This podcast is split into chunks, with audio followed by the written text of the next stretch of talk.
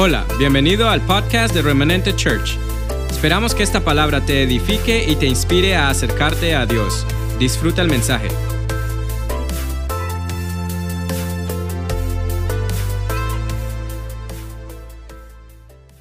Iglesia, estoy emocionado de ver lo que Dios está haciendo en este año 2021.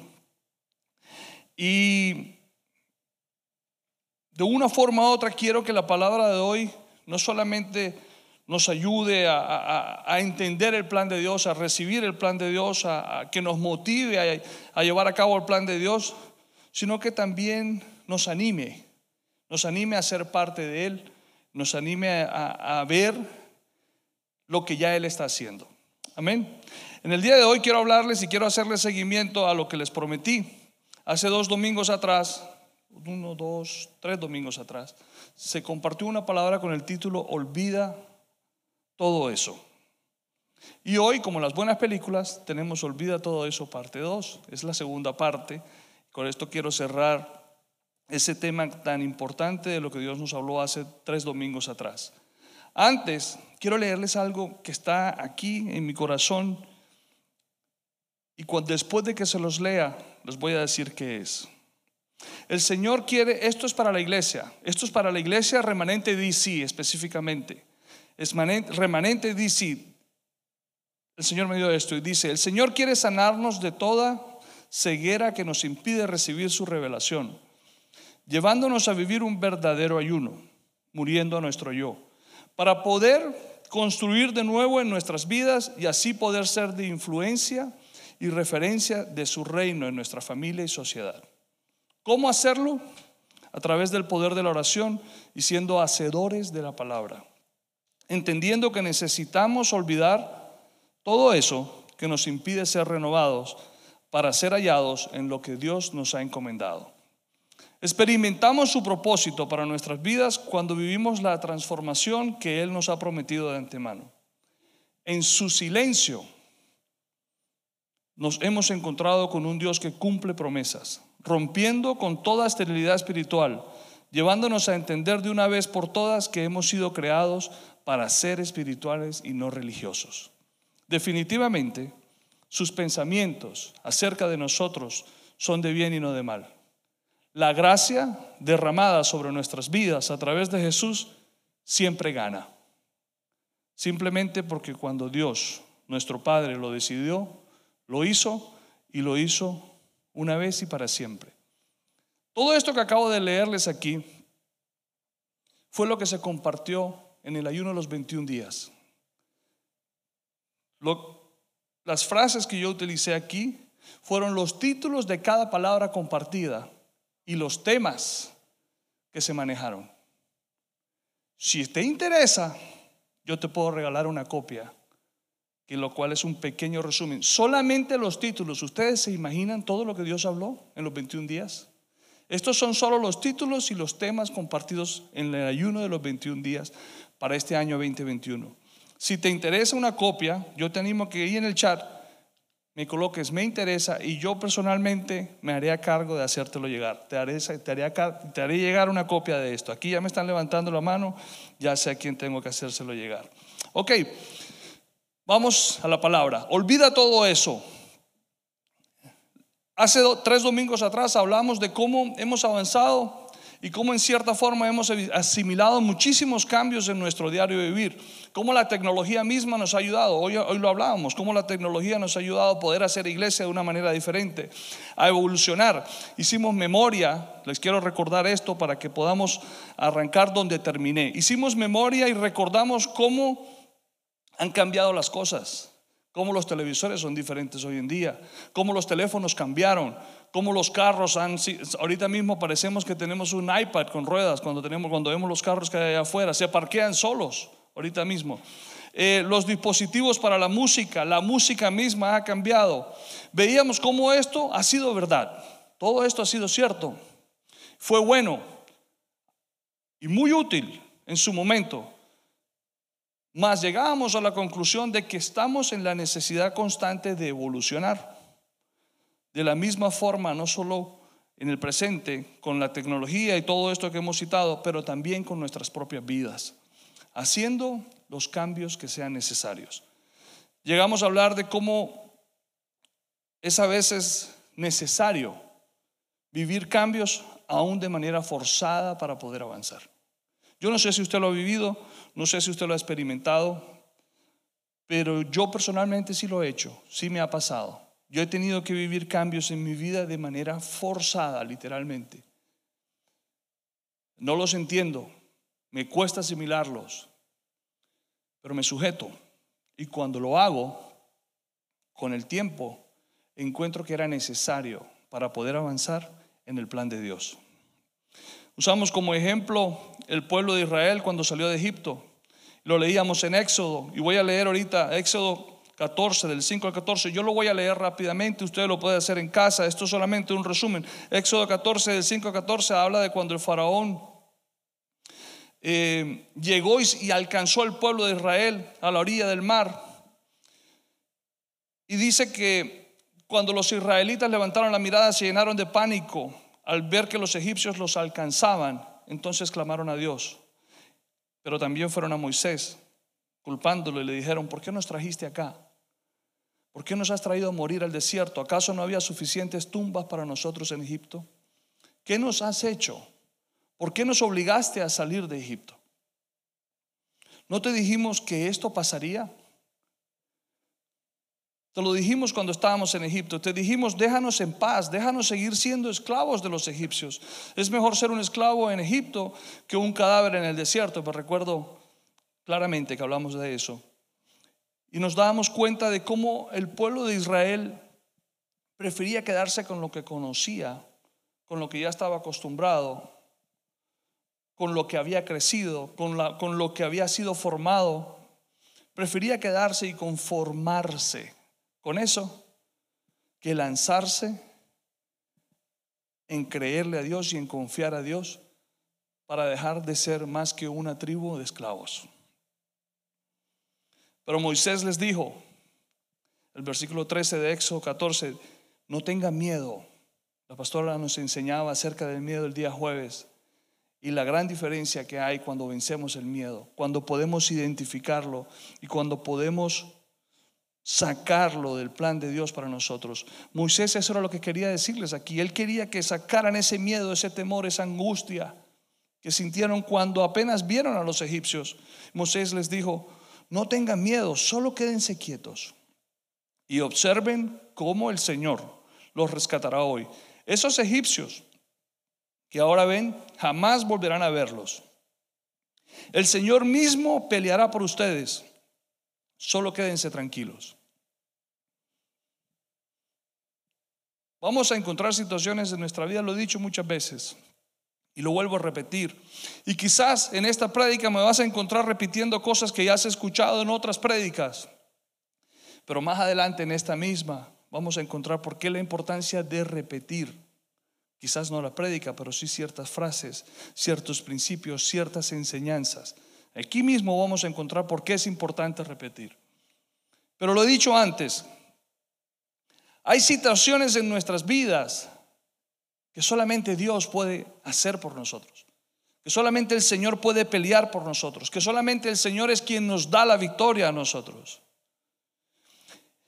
Y si se dan cuenta, la gran mayoría de ellas tiene que ver con superar fuertes cambios de vida.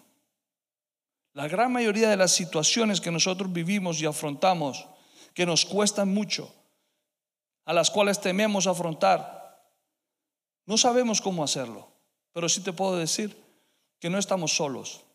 Y que si Jesús, si Dios mismo te ha traído hasta ese punto en tu vida, no es para dejarte ahí. Es para que en ese momento tú puedas una vez más reconocer que estás ahí por Él, que estás ahí porque Él te trajo, que estás ahí porque Él te ha llevado, que estás ahí porque no es casualidad, sino porque es un plan de Él. Y como no puedes más, porque no sabes qué hacer, porque no sabes cómo enfrentarlo, porque te da temor, entonces es Él el que lo va a hacer. Siempre y cuando, siempre y cuando, siempre y cuando hagamos lo que dijo Moisés, solo quédense quietos y observen cómo el Señor nos rescatará hoy. Y después, después de eso, es impresionante porque una vez superado ese momento en tu vida, hay una promesa. Una vez superado ese momento en tu vida, hay una promesa y Moisés se la da al pueblo de Israel y le dice, esos egipcios que ahora ven, jamás volverán a verlos. Ese momento en tu vida donde tú no sabes qué hacer, ese momento en tu vida donde te desesperaste y te angustiaste y te sentiste perdido, no voy más, pero vas a Dios y dejas que Dios sea que obre y te quedas quieto. No buscas el amigo, no buscas la palanca, no buscas el conocido, sino que dejas que Dios sobre, dejas que Dios te direccione. Dejas que Dios sea el que abra las puertas. Dejas que Dios sea el que toque corazones para que vengan personas que jamás te han conocido a ayudarte por causa de Él, porque Él es quien lo prometió. Y lo dejas obrar. Entonces esa situación no la volverás a ver más en tu vida una vez superada. Después de esto que vivió el pueblo de Israel, efectivamente no volvieron a ver los egipcios. No los pudieron atacar más. Pero sí se encontraron con otros obstáculos en el camino, porque estaban en constante crecimiento, porque estaban en un constante cambio, porque Dios los estaba transformando de adentro hacia afuera, de adentro hacia afuera. Los mayores obstáculos que encontró el pueblo de Israel fueron la religión, la cultura religiosa que arrastraban, y no los dejaba al pueblo asimilar la voluntad de Dios, ni mucho menos entender su plan. En la Biblia, en el libro de Isaías, mucho más adelante, en la historia misma, cuenta la palabra. Y aquí fue donde terminamos la vez pasada. Esto dice el Señor tu Redentor, Isaías 43, 14. Santo de Israel, por tu bien enviaré un ejército contra Babilonia. Este era otro caso diferente que estaba enfrentando el pueblo de Israel. Y obligaré a los babilonios a huir en esos barcos de los que están tan orgullosos. Para los que les gusta referenciar el momento de la historia en el que estaba sucediendo esto y el lugar, el lugar donde estaba sucediendo esto es exactamente en el Golfo Pérsico. Ahí se les dejo para que se imaginen lo que está sucediendo. Yo soy el Señor, tu santo, el creador y rey de Israel. Yo soy el Señor que abrió un camino a través de las aguas e hizo una senda seca a través del mar. O sea, lo que el Señor está haciendo aquí, en este otro momento de dificultad, ahí en el Golfo Pérsico, con esta gente, Él les está hablando y les está recordando lo que, lo que el pueblo como tal había vivido en Éxodo. Les está hablando del Pentateuco, de los cinco primeros libros de la Biblia, les está hablando de lo que sucedió, de lo que está registrado en el libro de Éxodo. Les está recordando lo que ya Él ha hecho. Les está dejando saber quién es Él. Entonces les dice, yo soy el Señor que abrió un camino a través de las aguas e hizo una senda seca a través del mar. La palabra dice que cuando el pueblo de Israel cruzó, cruzó sobre un piso seco. Estaba seco. Yo llamé al poderoso ejército de Egipto con todos sus carros de guerra y sus caballos, los sumergí debajo de las olas y se ahogaron. Su vida se apagó como mecha humeante.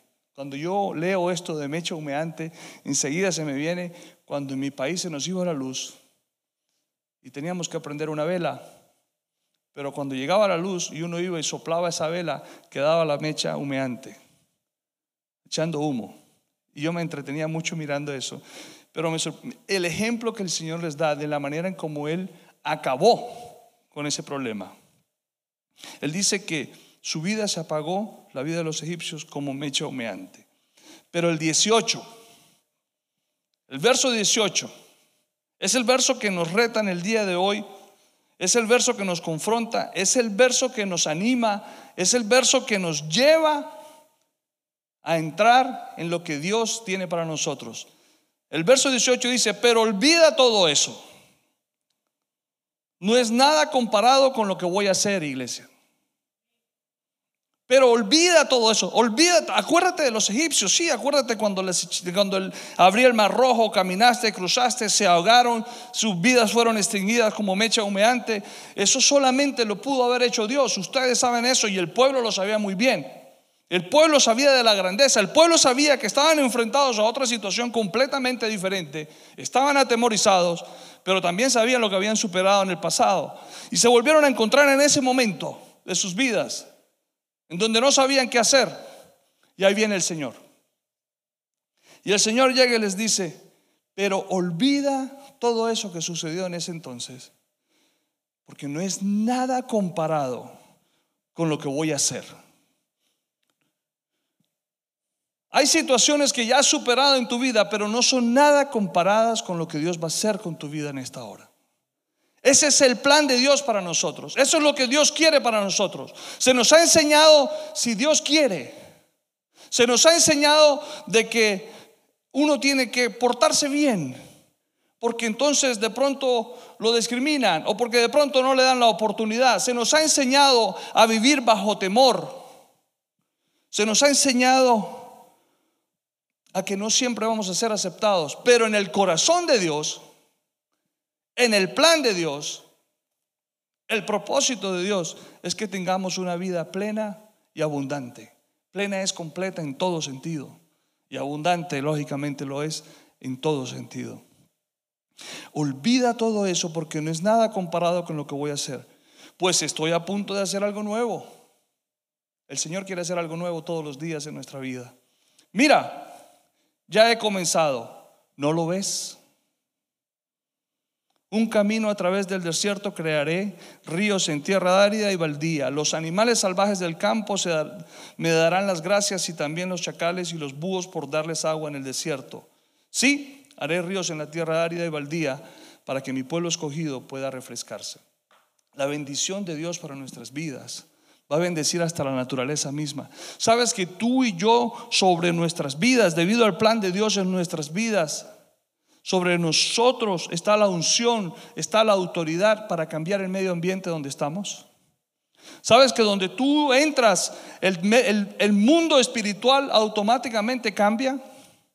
Sabes que estuve en un lugar, en un hotel, estaba durmiendo y como a las 2 de la mañana tuve una experiencia espiritual muy fuerte y me llegaron a preguntar que yo qué hacía ahí. Y yo, a mí no me dieron nervios. Hasta el día de hoy no sé si estaba dormido o despierto, pero yo sé lo que viví. Y cuando me pregunta esta, esta figura, que yo qué hacía ahí, yo le pregunté, ¿y tú quién eres? ¿Qué haces tú aquí? Y automáticamente dejó la habitación.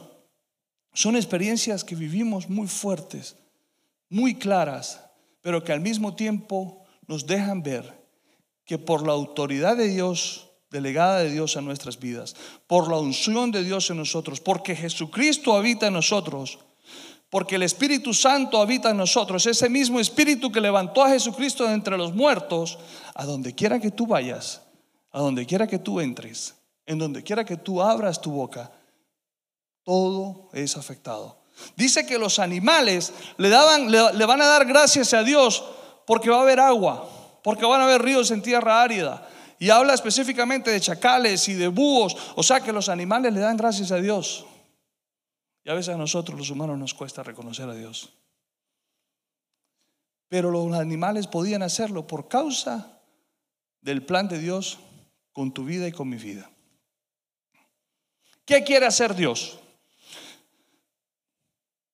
Dios ha llevado a su pueblo de ser una tribu de esclavos en Egipto a una nación cruzando el desierto. De una nación llena de historia y de poder desde el reino de David hasta la opresión religiosa de sí misma y del imperio romano, los llevó a ser una iglesia. De una nación a ser una iglesia, ¿cómo? A través de nuestras vidas.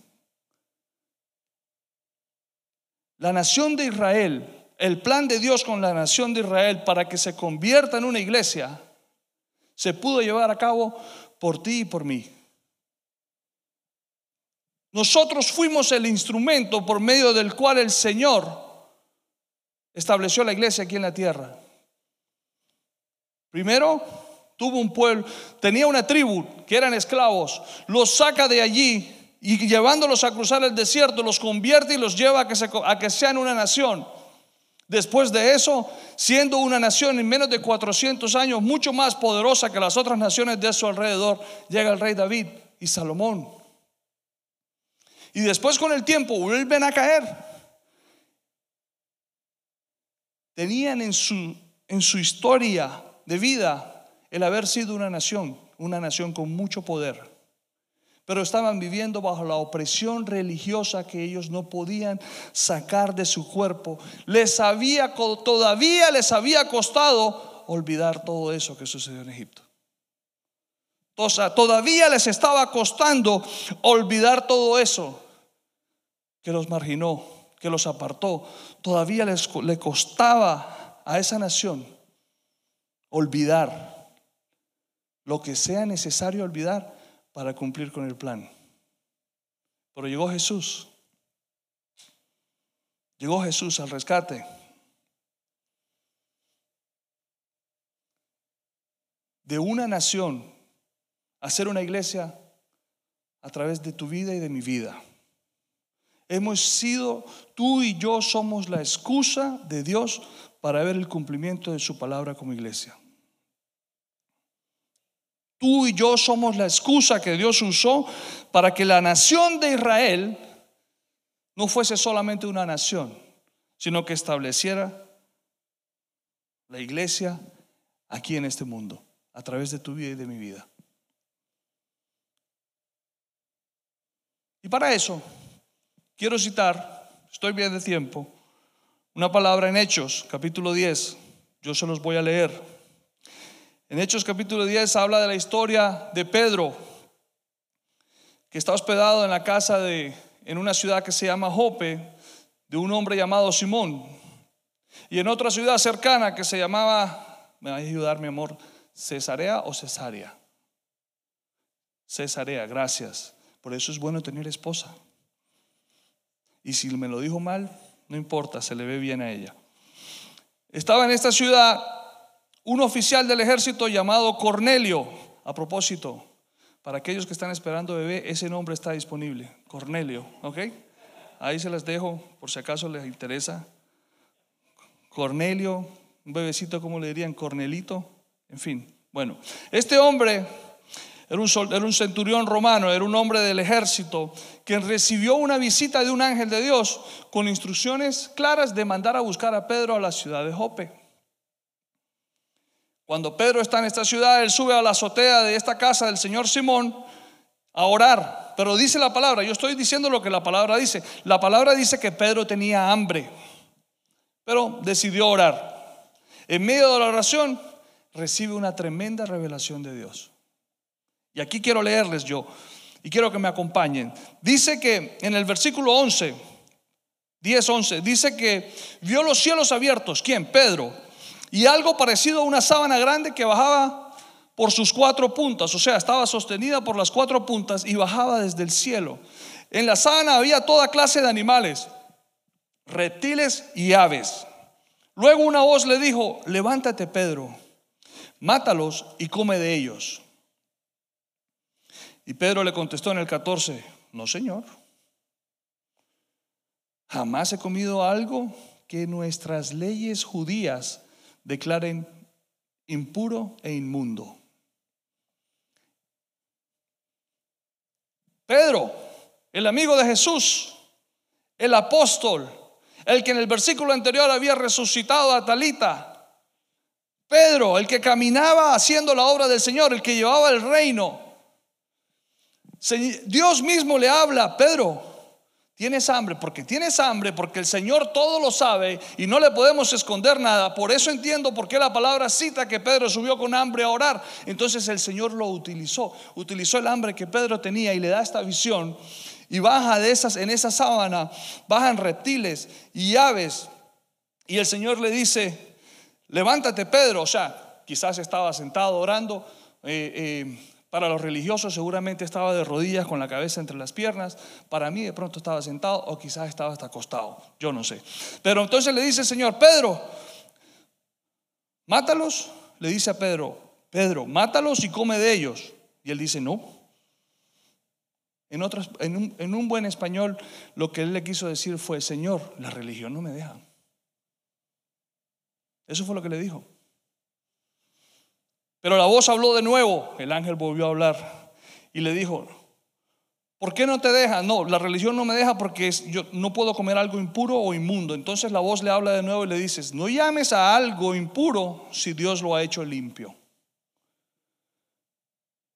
Y en el versículo 16 dice que la misma visión se repitió tres veces. Por eso es importante repetir. Por eso es importante volver a citar. Por eso es importante en ocasiones, ustedes me dirán, pero ya esto lo has dicho, ya usaste ese versículo, pero ya hablaste de aquello. Créanme que yo también se lo he dicho al Señor. Y el Señor me ha llevado a que es necesario repetir. Entonces en el 16, en, la madrugada, Dios me liberó de esta carga de no querer repetir. Y, leo esto y dice, la misma visión se repitió tres veces. Es necesario que se nos repitan las cosas. Y repentinamente la sábana fue subida al cielo. En el 17 dice, Pedro quedó muy desconcertado, no entendió nada. En otras palabras, él se quedó buscando la placa del bus que lo tumbó. ¿Qué pasó con esta visión? ¿Qué significa esto? Yo no entiendo qué pasó aquí. Eso, él, se quedó buscando el golpe. ¿De dónde vino este golpe? En el piso tirado. Él ni siquiera se dio, quién, se dio cuenta quién lo golpeó. Y justo en ese momento, los hombres enviados por Cornelio entraron a la casa de Simón, estuvieron en la puerta y preguntaban si ahí se hospedaba un hombre que se llamaba Pedro. Nos vamos hasta el 25, en el mismo capítulo.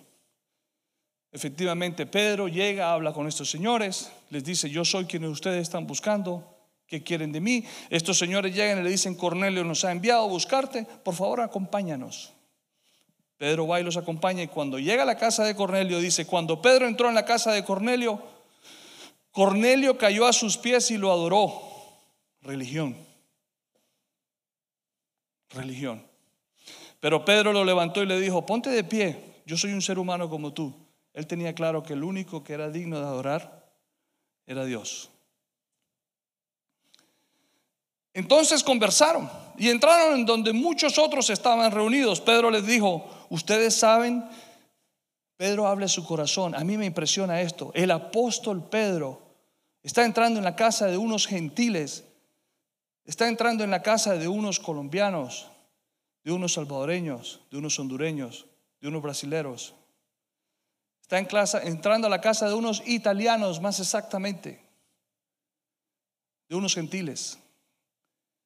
No está entrando en la casa de unos israelitas, de unos judíos, no, está entrando en la casa de unos gentiles. Entonces él, siendo la autoridad que es en Dios, les abre su corazón y les dice, ustedes saben que va en contra de nuestras leyes, religión, que un hombre judío se relacione con gentiles o que entre en su casa, pero Dios me ha mostrado que ya no debo pensar que alguien es impuro o inmundo. Él estaba luchando con esa estructura religiosa que estaba impregnada en su mente, en su cuerpo, en su corazón esa estructura religiosa con la cual él mismo había crecido. Ustedes saben que él había aprendido de parte de Jesús que se podía comer con los gentiles. Y solamente tengo un ejemplo, cuando Jesús habló con la mujer samaritana e hizo lo que hizo. Y así hay muchos. Ellos, los apóstoles, lo vieron, los apóstoles lo aprendieron, los apóstoles, a los Jesús les modeló a los apóstoles cómo era necesario tumbar todas estas estructuras religiosas en nuestras vidas, en sus vidas. Pedro abre su corazón con honestidad porque ahí sentado él todavía no entendía mucho lo que estaba pasando, estaba obedeciendo. A pesar de que Jesús le había mostrado que estaba bien hablar con los gentiles, Él les abre su corazón y les comenta la lucha que Él está teniendo en ese momento por estar allí sentado con ellos. Una cosa, y aquí se comprueba que una cosa es lo que se te modela, como lo hizo Jesús con Pedro y los apóstoles. Una cosa es lo que aprendes cuando estás caminando con Jesús, pero otra cosa sucede cuando lo que aprendes y lo que se te ha modelado lo pones por obra. Ajá. Ahí sucede algo diferente. ahí se activa lo sobrenatural en nuestras vidas. Ahí, en ese momento, dejamos la religión a un lado y empezamos a caminar en el mundo espiritual en el cual Dios nos ha llamado y no solamente nos ha llamado, nos ha capacitado. Porque Pedro había vivido con Jesús las mejores, los mejores ejemplos de sentarse a comer con un gentil. Pero cuando el Señor lo llama, él todavía luchando con esa religión, le dice, Señor, yo no puedo comer cosa impura o inmunda. Y el Señor le dice, ¿por qué llamas impura o inmunda lo que yo he limpiado, lo que yo he santificado? Y entonces se ve confrontado, confrontado con poner por obra lo que él aprendió. Eso es lo que Dios quiere para nosotros en este año. Es el año de poner por obra lo que ya hemos aprendido. Es el año de confiar en Dios. Y no solamente el año, es desde ahora en adelante. Son los años venideros los que tenemos para vivir la vida plena y abundante que Jesucristo nos prometió. A través de poner por obra por eso, el 29 dice Pedro, sin oponerme vine aquí, tan pronto me, llamaron. Ahora díganme, ¿por qué enviaron por mí?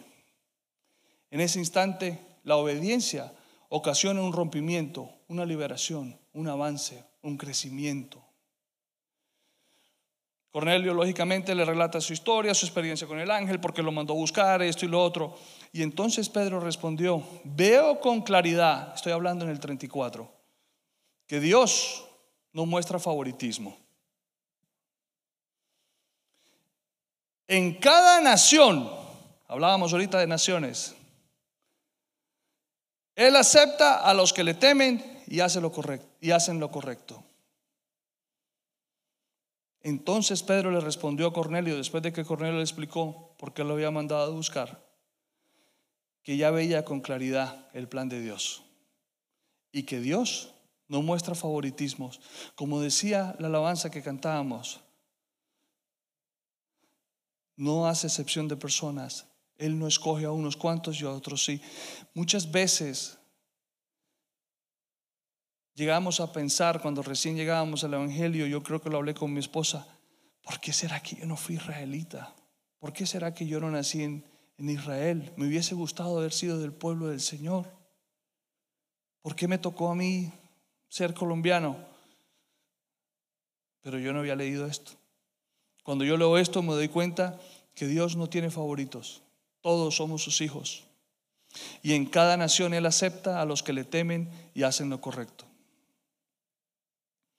¿Qué sucedió después? Con esto quiero ir cerrando. Me gustaría, si Lucas me acompaña, por favor, cuando tenga chance. ¿Qué sucedió después? Pedro habla y les comenta el plan, les comenta lo que Jesús hizo, la experiencia de Jesús. Y el Espíritu Santo de Dios es derramado sobre ese lugar como la garantía, como el sello de la presencia y del plan de Dios en sus vidas. Pero en el siguiente capítulo, cuando Pedro vuelve a su lugar de origen, dice que la noticia de que los gentiles, estamos hablando del capítulo 11, versículo 1, habían de que los gentiles habían recibido la palabra de Dios, de que los colombianos, los salvadoreños, los italianos, los hondureños, los americanos, los orientales, los egipcios,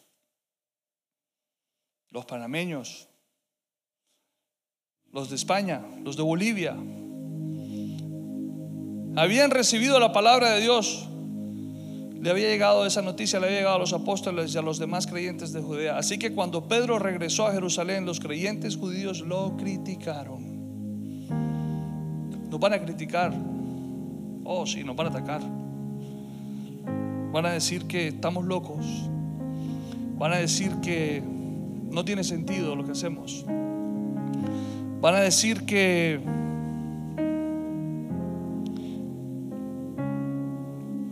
a, van a decir y nos van a advertir y nos van a decir, ojalá no te estés equivocando. ¿Quién se puede equivocar haciendo la obra de Dios? Es mi pregunta. ¿Quién se puede equivocar? Caminar cuando estás caminando en el plan de Dios. Así que cuando Pedro escucha todo esto, la crítica y todo, todavía le dicen, él ni siquiera lo dejen que él cuente qué fue lo que pasó, sino que le dicen, entraste en una casa de gentiles y hasta comiste con ellos. Entonces Pedro les contó todo tal como había sucedido.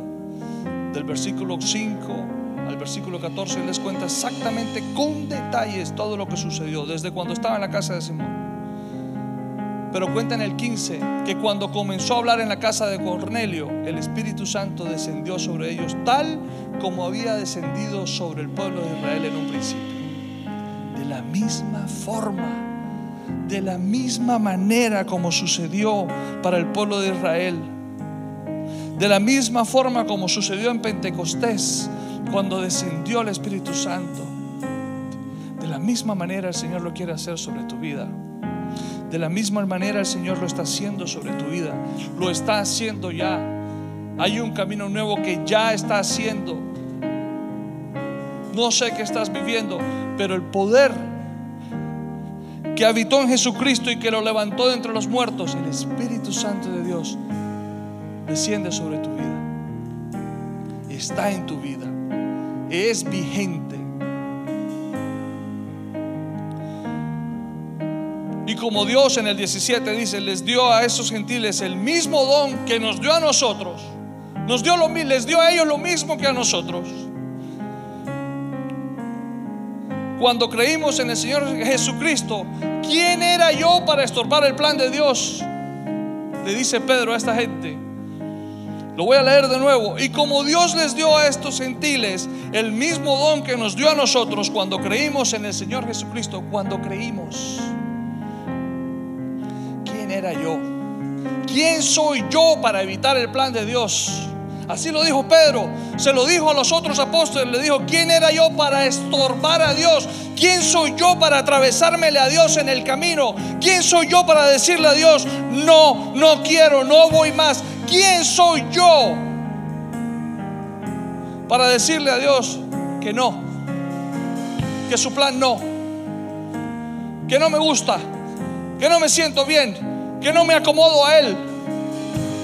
¿Quién soy yo para estorbar la obra de Dios? Job lo dijo, que sintió temor cuando se dio cuenta que él no iba a poder hacer nada para evitar hacer que Dios hiciera lo que él quería.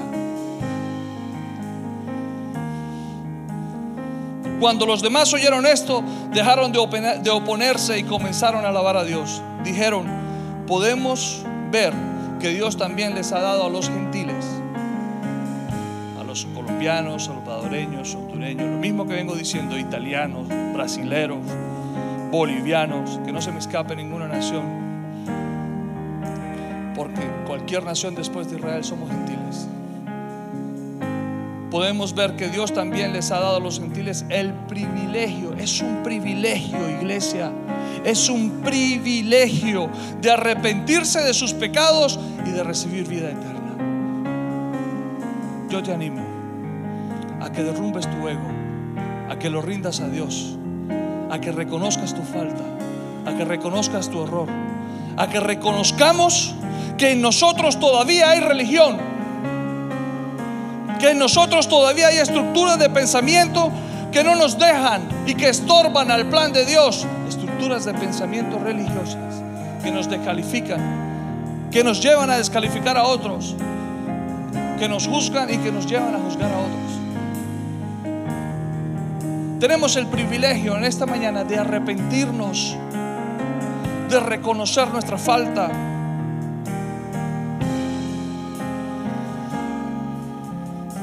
Para que nuestros pecados sean perdonados y para recibir vida eterna. Iglesia, necesitamos olvidar todo eso. Necesitamos olvidar todo eso que Dios nos está hablando. Porque somos la excusa por la cual Dios hizo iglesia en el mundo. A través de tu vida y de mi vida el Señor estableció la iglesia en el mundo. Y por consiguiente somos sus hijos con derecho a una herencia la herencia de la vida eterna. Un minuto, les quiero leer esto. Dios es tan rico en gracia y bondad que compró nuestra libertad con la sangre de su Hijo y perdonó nuestros pecados. Él desbordó su bondad sobre nosotros junto con toda la sabiduría y el entendimiento. Ahora, Dios nos ha dado a conocer su misteriosa voluntad respecto a Cristo, la cual es llevar a cabo su propio buen plan. Y el plan es el siguiente, verso 10, para que los quiera, el que lo quiera buscar en Efesios 1. Y el plan es el siguiente, a su debido tiempo Dios reunirá todas las cosas y las pondrá bajo la autoridad de Cristo, todas las cosas que están en el cielo y también en la tierra. Es más, Dado que estamos unidos a Cristo, hemos recibido una herencia de parte de Dios. Porque Él nos eligió de antemano y hace que todas las cosas resulten de acuerdo a su plan. Eso me gusta. Nos eligió de antemano y hace que todas las cosas resulten de acuerdo a su plan. Ese es el 11. El 12 dice, el propósito de Dios fue que nosotros, los judíos, esto lo escribió Pablo y por eso lo dice así, que fuimos los primeros en confiar Hemos hablado de que es un año de confiar. Y dice Pablo que nosotros los judíos fuimos los primeros en confiar en Cristo, diéramos gloria y alabanza a Dios. Y ahora ustedes los gentiles, los colombianos, los salvadoreños, los italianos y el mundo entero, ahora ustedes también han oído la verdad, la buena noticia de que Dios los salva. Además, cuando creyeron en Cristo, Dios los identificó como suyos al darles el Espíritu Santo el cual había prometido desde mucho tiempo atrás. El Espíritu Santo es la garantía que tenemos de parte de Dios de que nos dará la herencia que nos prometió y de que nos ha comprado para que seamos su pueblo. Iglesia, somos su pueblo. Somos su pueblo porque el Espíritu Santo que habita en ti y en mí, ese mismo Espíritu Santo del cual hablábamos al principio en el servicio, ese mismo Espíritu Santo es la garantía tenemos garantía, tenemos herencia, somos el pueblo de Dios. Dios hizo todo esto para que nosotros le diéramos gloria y alabanza. Dios ha puesto todo bajo la autoridad de Cristo, a quien hizo cabeza de todas las cosas para el beneficio de su iglesia, para el beneficio tuyo y mío, y todas las cosas para nuestro beneficio. La iglesia es el cuerpo de Cristo, es la completa, Jesucristo nos completa y la llena. Jesucristo nos llena. Y también es quien da la plenitud. También nos da la plenitud. Nos da una vida plena. Todas las cosas, en todas las partes, en su presencia. Donde quiera que vayamos. Donde quiera que estés. Donde quiera que tú vivas. Donde quieras ir. Ahí estará el Señor contigo. Iglesia, necesitamos olvidar todo aquello que nos estorba, que nos roba, que nos impide, que no nos permite hacer el plan de Dios. Necesitamos olvidar todo aquello que nos impide ser verdaderamente hijos y su pueblo. Necesitamos recibir con toda confianza esta herencia.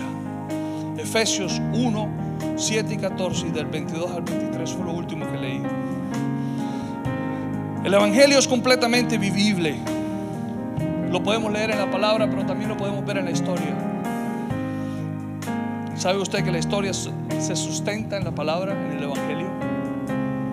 si es historia, se vivió. ¿Sabes que tú y yo estamos escribiendo historia el día de hoy? En esta pandemia, sabes que tú eres el pueblo que Dios ha escogido para dejar los adoradores, los verdaderos adoradores en ese tiempo establecidos en la tierra para la venida de Cristo. Esos somos tú y yo. Ese es el pueblo que Dios ha escogido. Ese es el pueblo que Dios apartó para este momento. Tú y yo, sobre ti y sobre mí está la unción. Sobre nosotros está la unción y la palabra y la revelación que necesita el pueblo en este tiempo. Necesitamos confiar en eso, necesitamos vivir eso, necesitamos experimentar eso, necesitamos empezar a poner por obra lo que tanto hemos escuchado y aprendido. Necesitamos hacerlo en los momentos más difíciles, cuando no tenemos que hacer, cuando no sabemos qué hacer, es cuando necesitamos poner por obra la confianza. Yo confío en mi Padre, Señor, Redentor de este mundo, Creador del cielo y de la tierra. Yo confío en ti, papá, porque yo no puedo. Yo confío en ti, Señor, porque no sé qué hacer. Yo confío en ti, Señor, porque me dijiste que me quede quieto. Me quedaré quieto esperando en tu palabra. Yo confío, yo confío, yo confío como confió el pueblo de Israel. Tú sabes por qué somos iglesia. Porque el pueblo de Israel confió. Por eso somos iglesia. Tú sabes cómo vamos a llevar a cabo el plan de Dios. cuando confiemos y pongamos por obra lo que hemos aprendido. El Evangelio es completamente vivible y posible. Lo hemos visto en la historia. El plan de Dios para los hijos de Dios es vivir sobrenaturalmente en lo sobrenatural. Se puede vivir a cielos abiertos. Iglesia, se puede. Ahí donde estás, te invito a que te coloques de pie y me permitas orar por ti. Mientras la alabanza sube, yo quiero orar. Gracias, Señor.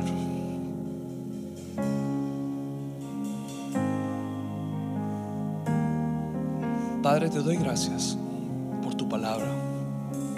Doy gracias, Señor, porque esta palabra que tú nos has regalado hoy activa en nuestra vida tu plan. Porque esta palabra que tú nos has regalado hoy, Señor, nos anima, nos reta. Porque esta palabra profética que tú nos has regalado hoy, Señor, nos restaura, nos reafirma y nos proyecta el cumplimiento de tu plan.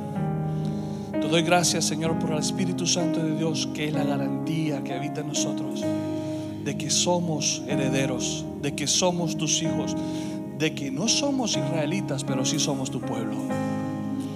Gracias, Señor, por tu presencia. Gracias por tu verdad. Gracias por tu amor. Gracias por tu soberanía. Gracias porque estás aquí conmigo, pero también estás con mi hermano allá que lo está necesitando. Gracias, Señor porque no nos descalificas. Gracias porque no tienes favoritos. Gracias Señor porque estamos en tus manos esculpidos. Gracias Señor por tu verdad. Gracias porque no tienes en cuenta Señor nuestra necedad. Gracias Señor porque no miras nuestros errores, sino que nos miras a través de Jesucristo y nos apruebas. Padre, yo en el nombre de Jesús bendigo esta casa. Bendigo las familias que se congregan en esta casa de una manera sobrenatural. Yo declaro que la ventana de los cielos se abrirán sobre sus vidas. Y yo declaro que el plan tuyo, tu buen plan de darnos vida plena y abundante, se cumple sobre cada familia en esta casa, Señor. Yo declaro, Padre, en el nombre de Jesús, que tu presencia es evidente en cada uno de nosotros. Y que donde quiera que vayamos, Señor, tú estarás con nosotros siempre. En el nombre de Jesús. Amén. Amén. Esperamos que este mensaje haya sido de bendición. No te olvides de suscribirte a nuestro podcast y seguirnos en Facebook e Instagram arroba remanente church.